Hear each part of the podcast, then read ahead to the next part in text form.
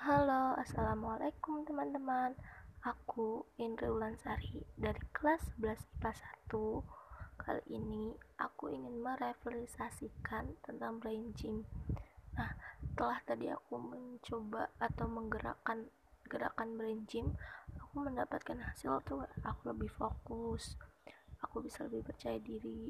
Dan aku gak stres, kayak badan aku tuh lebih enak gitu. Nah, aja sih manfaat brain gym. Nah tahu aku tuh manfaat brain gym yang setelah aku baca dari beberapa referensi internet yang pertama dia tuh bisa lebih fokus menghilangkan stres bisa dilakukan dalam situasi apa pun bisa lebih meningkatkan lebih ke, ke apa otak kerja otak kita.